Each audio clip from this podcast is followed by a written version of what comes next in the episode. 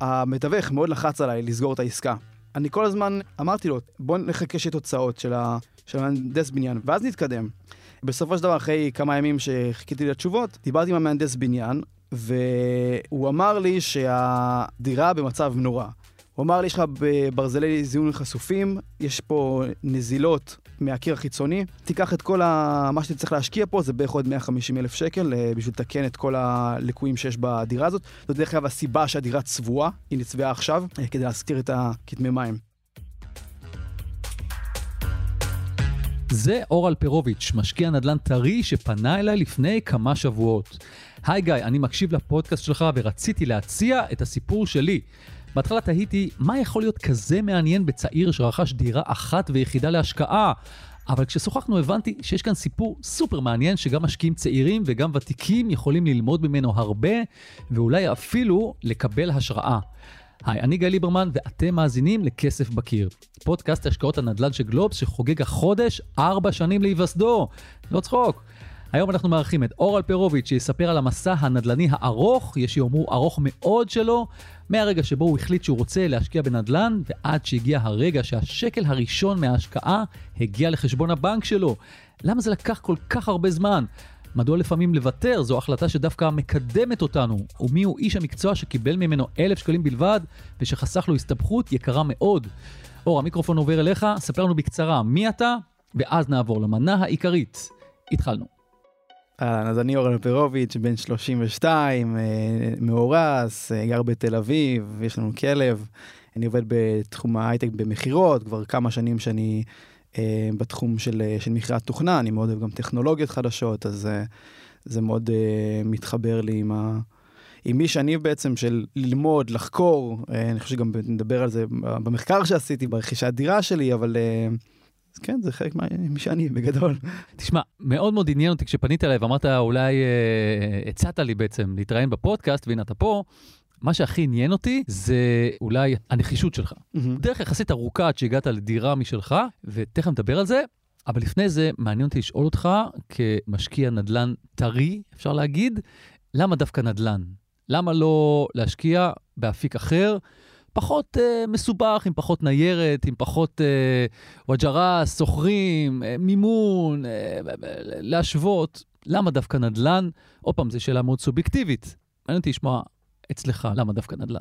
אני יכול להגיד לך שמגיל uh, קטן התחלתי להשקיע כאילו בשוק ההון, גיל קטן אני מדבר על אזור גיל 16, שהתחלתי uh, לעבוד ולהרוויח כסף, ואבא שלי... Uh, הוא כאילו קצת משקיע, כן, לא משהו מקצועי, אבל uh, הוא כן מתעסק בשוק ההון, אז הוא הכניס אותי לזה, uh, ומשם התחלתי בעצם את ההשקעות הראשונות שלי. בגיל 16. בגיל 16, באג"חים ו- וקרנות, אבל דברים יחסית עם סיכון נמוך ותשואה יפה. זאת אומרת שמי שחשף אותך לתחום בכלל הפיננסי זה, זה אבא? כן, כן, okay. אוקיי. בתחום הזה. בגיל קטן הוא פשוט הראה לי, כאילו בואו, הוא הראה לי גם את התיק שלו, מה הוא קנה, איך הוא מחולק, אה, קצת רווחים, הפסדים, לא משנה. לא שגרתי. נכון, כאילו...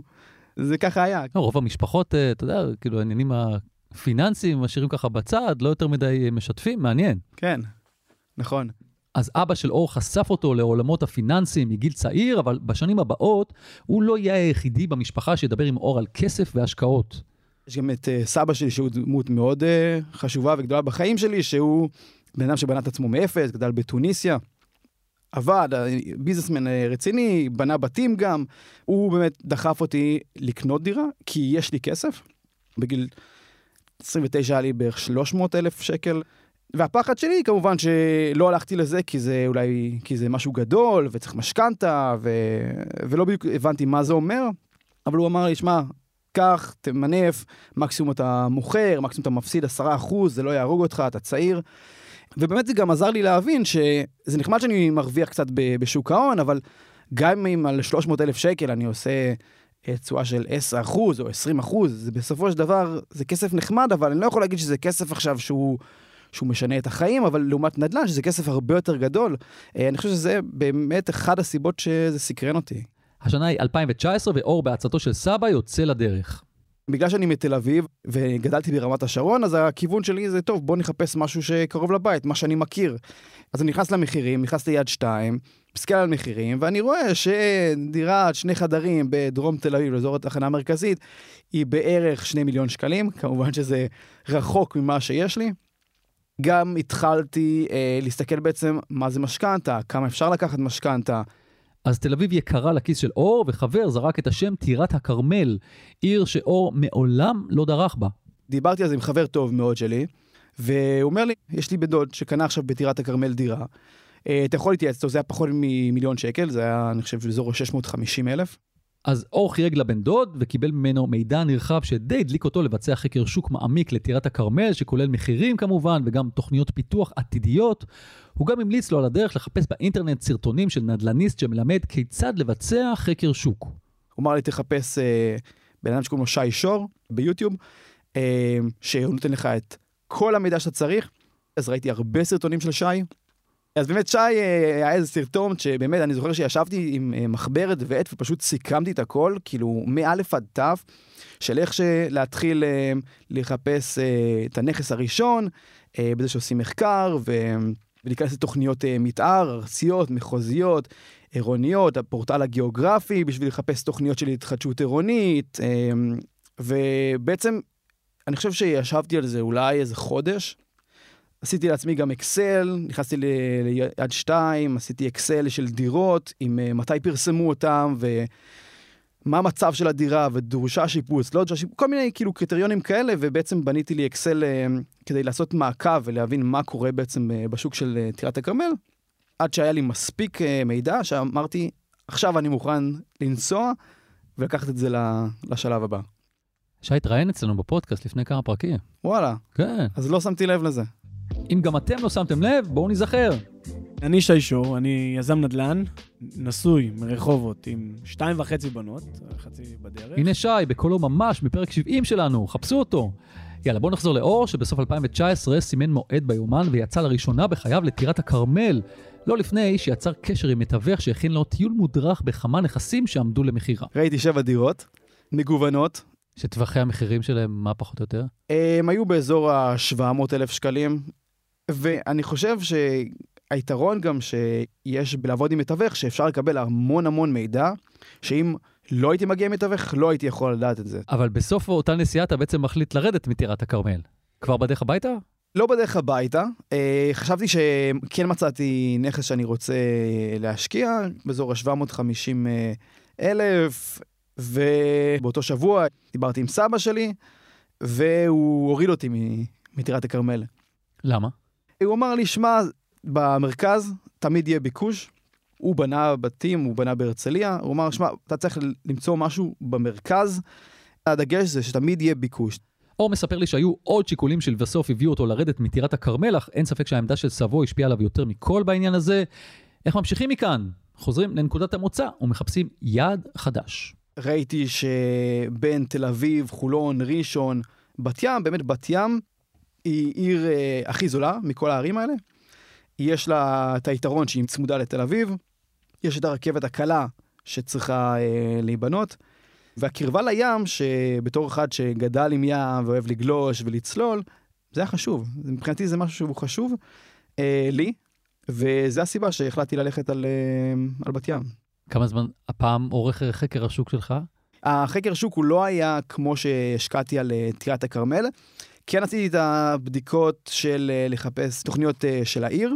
יותר החלטתי בגישה הפעם של בת ים, זה פשוט לנסוע לשם ולהיות בתכלס בשטח, גם כי זה גם יותר קרוב, זה יותר קל לי, ולראות את כל השכונות. וכשהגעתי באמת הבנתי כמה כל שכונה שונה משכונה אחרת. מהביקור הראשון כבר uh, למדתי קצת על שכונות. אז הייתי בשכונת ניצנה, התחלתי שם, לקחו אותי לבניין שהוא בפרויקט של uh, פינוי-בינוי. Uh, ראיתי גם בבת ים שיש הרבה שלט של כאן יתבצע תמ"א, ובאמת לא לקחתי את זה כמובן מאליו. סיימתי את השלטים, ובמטרה אחרי זה לפנות לחברות האלה ולהבין מה עם המצב של הפרויקט. כן, השלטים לא באמת מעידים על זה שזה ממש קורה בקרוב. לפעמים השלטים יכולים לעמוד שם חמש שנים עד שמגיע איזה טרקטור, אולי. במקרה הטוב. שבוע לאחר שקיים סיור דירות ראשון, הוא מגיע לסיור שני, ואז הוא נתקל בדירה שעשויה להיות מעניינת. כדי לעשות סדר על ציר הזמן, אנחנו מדברים על פברואר 2020, רגע לפני שהקורונה פורצת לחיינו. ראיתי דירה בקומה רביעית, בלי מעלית, במתחם של התחדשות עירונית, שמיועד לפינוי-בינוי. מאוד התלהבתי, המחיר היה, אני חושב, מיליון מאה לדירת אה, שני חדרים. ואמרתי, אוקיי, זה הדירה, זה הדירה שאני רוצה. דיברתי עם סבא שלי, ועוד הפעם סבא שלי אה, הצליח להוריד אותי מה, מהרעיון הזה, להגיד לי שזו קומה רביעית בלי מעלית, יהיה קשה להשכיר אותה, אה, אנשים אה, לא אוהבים לגור בקומות גבוהות בלי מעלית ככה. ובדיוק תוך כדי הזמן הזה גם התחיל משבר הקורונה. השווקים כבר חוו ירידות, גם התיק שלי, והשילוב של שני הדברים האלה גרמו לי לרדת בעצם מה, מהדירה הזאת.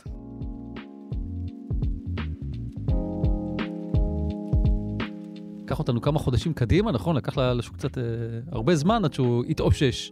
נכון, אז אה, אני חושב שבערך חצי שנה קדימה, אני לא זוכר אם חיפשתי או שנתקלתי על זה במקרה באיזה אתר, שהפרויקט שבו ראיתי את הדירה שכמעט קניתי אותה, אושר. ובעצם הולכים להוריד את הבניינים ולבנות אה, שם כמה מגדלים. וזה מה שהדליק אותי לחזור חזרה לבת ים ולחפש אה, נכס חדש.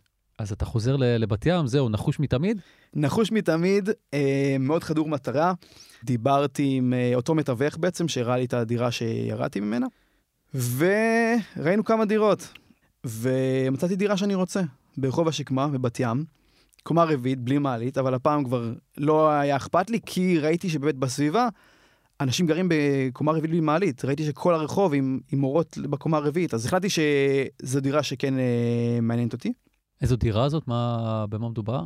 כמה היא עלתה? זו דירה שהמחיר שלה היה מיליון 245, שלושה חדרים, עם מרפסת פתוחה לעץ ענק שעומד בחוץ, באמת שמאוד התלהבתי. ואמרתי, אוקיי, יש פה, יש פה משהו מעניין, בוא נתקדם עם זה. בשלב הזה אור פונה לעורך דין, גם ליועץ משכנתאות, ואפילו למהנדס בניין שייתן לו חוות דעת לגבי מצב הדירה. תכף תבינו למה הוא טוען שזו ההשקעה הכספית הכי טובה שהוא עשה בכל המסע הזה שלו למציאת דירה להשקעה. עוד החלטה שבחרתי לעשות, זה להביא uh, מהנדס בניין. ואני חושב שזאת ההשקעה הכי טובה שעשיתי. אז הבאתי מהנדס בניין, ובזמן הזה, uh, עד שקיבלתי את התוצאות ממנו, את התשובות, המתווך מאוד לחץ עליי לסגור את העסקה. ו... אני כל הזמן אה, אמרתי לו, בוא נחכה, בוא נחכה שיהיה תוצאות של מהנדס בניין, ואז נתקדם. בסופו של דבר, אחרי כמה ימים שחיכיתי לתשובות, דיברתי עם המהנדס בניין, והוא אמר לי שהדירה שה... במצב נורא. הוא אמר לי, יש לך ברזלי זיהוי חשופים, יש פה נזילות מהקיר החיצוני, תיקח את כל ה... מה שאתה צריך להשקיע פה, זה בערך עוד 150 אלף שקל אה, בשביל לתקן את כל הליקויים שיש בדירה הזאת. דרך אגב, הסיבה שהדירה צבועה, היא נצבעה עכשיו, אה, כדי להסתיר את הכתמי מים. מי היה אצלך לקחת את המהנדס? זה מהנדס או מין בדק בית כזה? זה בדק בית, אבל זה, זה מהנדס. אה, מי יהיה אצלי? אני חושב שזה גם היה כחלק מהסרטונים ש, שראיתי. וכאן, אחרי שקיבלתי את התשובות האלה, אז אה, באותו רגע היה לי קשה מאוד לראות את החלק הטוב, אלא עוד פעם ראיתי ישר את החלק הפחות טוב, שבו מצאתי נכס והתלהבתי והייתי בטוח כבר שזה יהיה הנכס שלי, ובסוף זה עדיין לא נגמר. אני לא יכול לקחת את הנכס הזה כי אני לא רוצה, אני לא מוכן להשקיע את הסכומים האלה. המצב המזעזע של הדירה, הוא גם גולם במחיר? זאת אומרת, אה, כיוון שעשית חקר שוק, ידעת פחות או יותר מה טווח המחירים. זאת אומרת, האם באמת זה, זה בא לידי ביטוי במה שכמעט סיכמתם עליו? התשובה היא לא.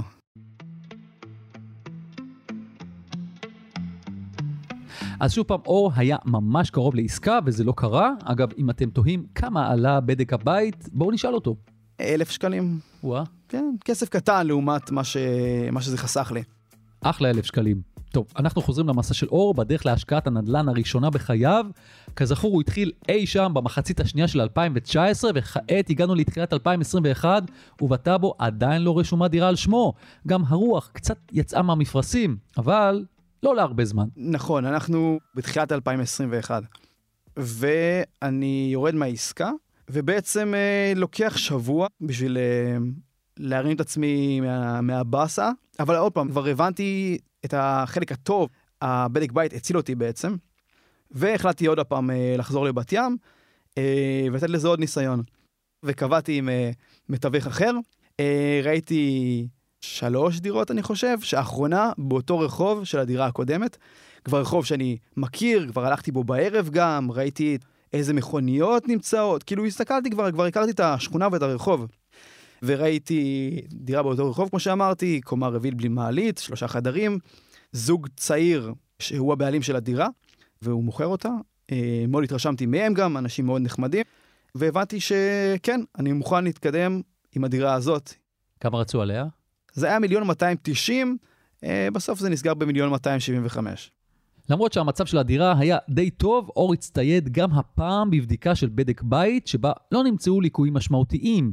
מפה לשם, בפברואר 2021, אור סוף סוף רכש דירה להשקעה, אבל מועד הפינוי נקבע לחצי שנה קדימה, מה שאומר שאת ההכנסות הראשונות מהדירה הוא יראה רק בסוף קיץ 2021. למעשה אנחנו מדברים על תקופה של בערך שנתיים מהרגע שהוא החליט לרכוש נכס להשקעה, ועד שהוא רואה ממנו שקל ראשון. כעת בואו ננסה לנתח קצת את העסקה ולברר האם המאמץ ישתלם בכלל. כזכור, הדירה עלתה מיליון ומאתיים שבעים וחמישה אלף שקלים, מבלי שאור נזקק להוצאות עבור שיפוץ. כן תוסיפו עמלת תיווך ושכר טרחת עורך דין ואולי עוד כמה הוצאות קטנות, והגענו לקצת יותר ממיליון ושלוש מאות אלף שקלים.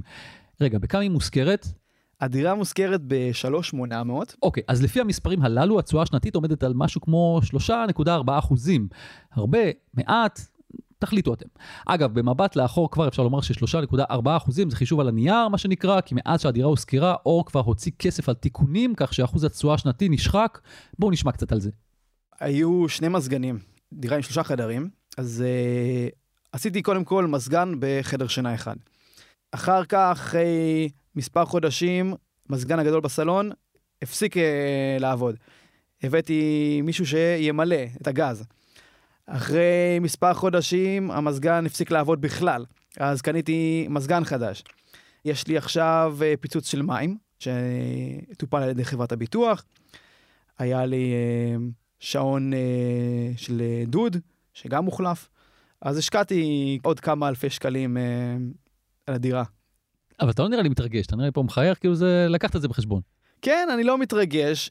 אני חושב שבסופו של דבר זה כסף קטן לעומת, אה, אני משווה את זה לעליית ערך שהייתה לי בכמעט שנתיים האחרונות. אז אני מסתכל על זה ככה, זה סכום מאוד קטן לעומת עליית ערך. בכמה אתה מעריך את הדירה הזאת היום? היום באזור המיליון שבע מאות.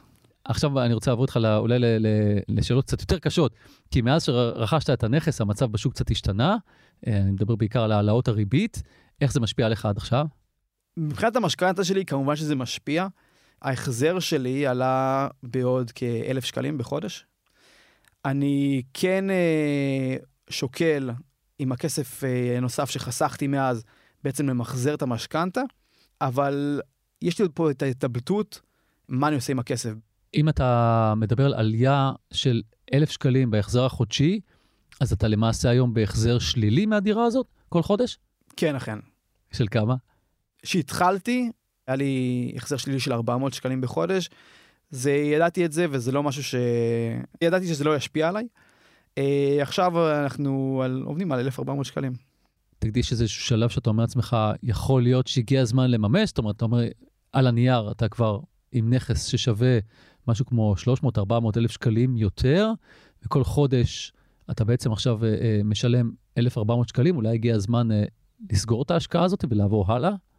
עברה לי המחשבה הזאת, אבל אני, כשאני חושב על זה, אני גם מנסה להבין, אוקיי, מה אני אעשה? אז מה, אני אקנה נכס אחר בת ים? אבל כל המחירים עלו עכשיו.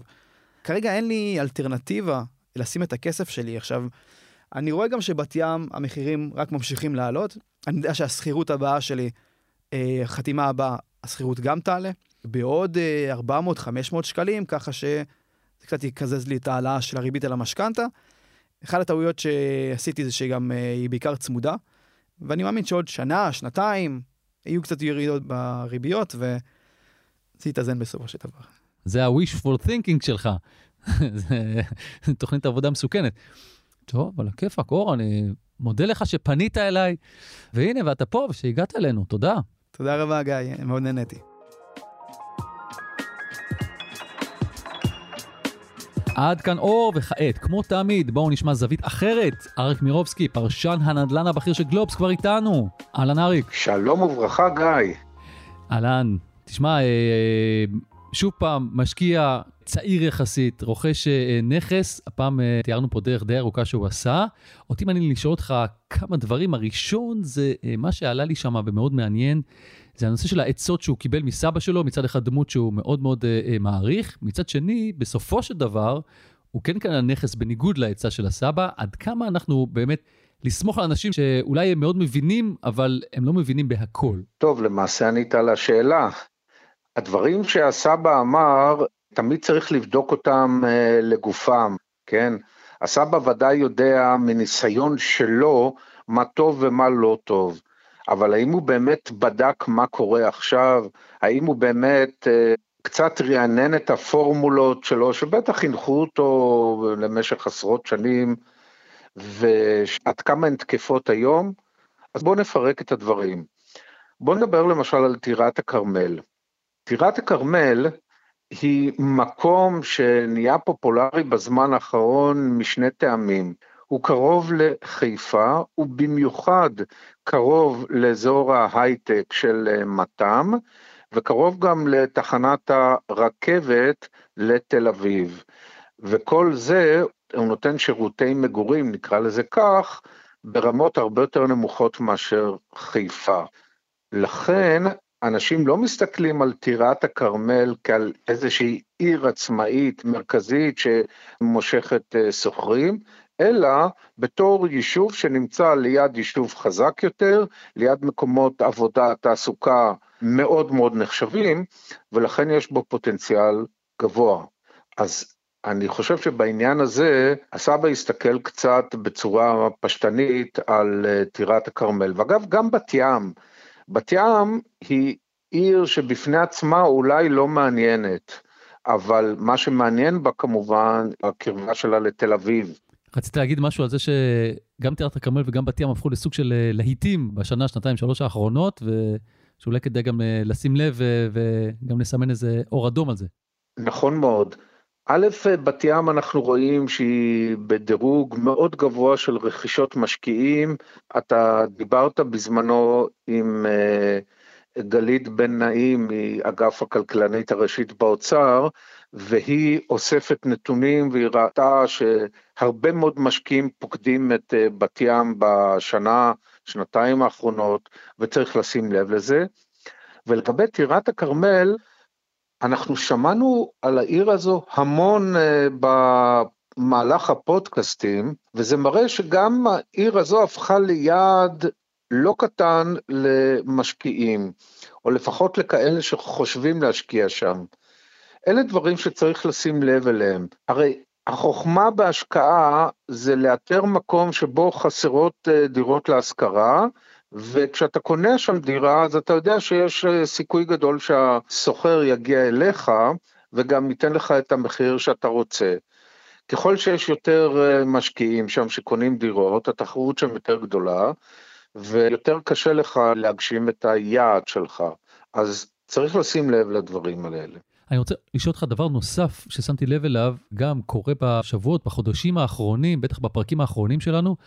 אנחנו כבר מדברים עם אה, משקיע שני שמתמודד עם החזר חודשי שלילי, גם היה לנו פרק עם צור תובל אה, לאחרונה וגם הפרק הזה. משקיעים כבר לא חוששים להיות עם החזר אה, חודשי שלילי, וזה גם המצב בשוק עם כל הנושא של העלאות הריבית. מה זה אומר לנו, מה זה צריך להגיד לנו לגבי המשך השקעות בעתיד? ואני לוקח בחשבון שההשקעה של אור נעשתה לפני שנתיים, זאת אומרת, הוא כן נהנה, אפשר להגיד מזה, לפחות על הנייר, מזה שהמחירים עלו בשנתיים האחרונות. בעניין הזה צריך uh, לבחון את ההשקעה ולבדוק ולשאול, והמשקיע צריך לשאול את עצמו מה היעד שלו לגבי ההשקעה הזאת. יכול מאוד להיות שהוא יגיע למסקנה שההשקעה הזאת מיצתה את עצמה, הווה אומר, הוא נהנה מאוד מעליית השווי שלה, הוא נהנה מהתשואה החודשית השוטפת, ועכשיו ייתכן מאוד שעליית השווי מיצתה את עצמה, מחירי הדירות אולי יעלו עוד ב-2, 3, 4 אחוז אה, בתקופה הקרובה, אבל כנראה שתמה התקופה הזאת של העליות המטאוריות שאנחנו חווינו בשנתיים האחרונות, ולגבי התשואה החודשית, כשאין עליית שווי והתשואה החודשית הופכת להיות שלילית, זאת אומרת, אתה מוציא יותר כסף אה, בחודש מאשר אתה מקבל, אז השאלה היא למעשה מה הטעם, מה הטעם בכל הדבר הזה. אם אתה מוצא טעם כלשהו, הווה אומר, אה, קודם למשל פרויקט תמ"א 38 במקום הזה, והתמ"א 38 הוא ברור ולעתיד הקרוב, ואין פה שאלה בכלל לגבי קיומו של התא.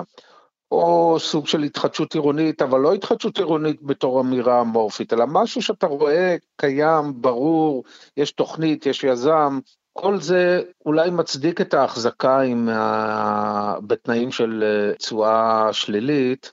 לגבי היתר, אתה צריך נימוק ממש ממש טוב כדי להמשיך להחזיק בנכס. טוב, כנראה שהמספרים אה, מובנים להרבה מאוד אנשים, בגלל זה אנחנו גם רואים לא מעט סקירות מהחודשים האחרונים של אגף הכלכלנית הראשית, שזה הנתונים היחידים שיש, פחות או יותר, שמצביעים על אה, מגמה של ירידה בהיקף המשקיעים בישראל, לפחות בתקופה הזאת. אריק, אני מאוד מודה לך על זה שהצטרפת אלינו גם לפינה הזאת, ניפגש בפרקים הבאים. בשמחה רבה, גיא. ביי, להתראות. זהו, סיימנו עוד פרק של כסף בקיר, עשרות פרקים נוספים שלנו מחכים לכם בכל אפליקציות הפודקאסטים או באתר גלובס. אם יש לכם שאלות, הערות, או שתרצו בעצמכם להתארח בפודקאסט שלנו ולשתף בסיפור ההשקעה שלכם, אני כאן, ניתן לפנות אליי בפייסבוק, בטוויטר, אפשר גם דרך כתובת המייל שלנו, כסף.בקיר, את גלובס.co.il, אותיות באנגלית כמובן. ניר לייס טרח את הסאונד, והילה וייסברג היא עורכת הפודקאסטים של גלובס. תודה לאריק מירובסקי, וכמובן, לאור אלפרוביץ'. יאללה, אני בדרך לבת ים לבדוק שם נכסים, אולי נשאר משהו מעניין גם בשבילי, או שלא. אני גיא ליברמן, ביי.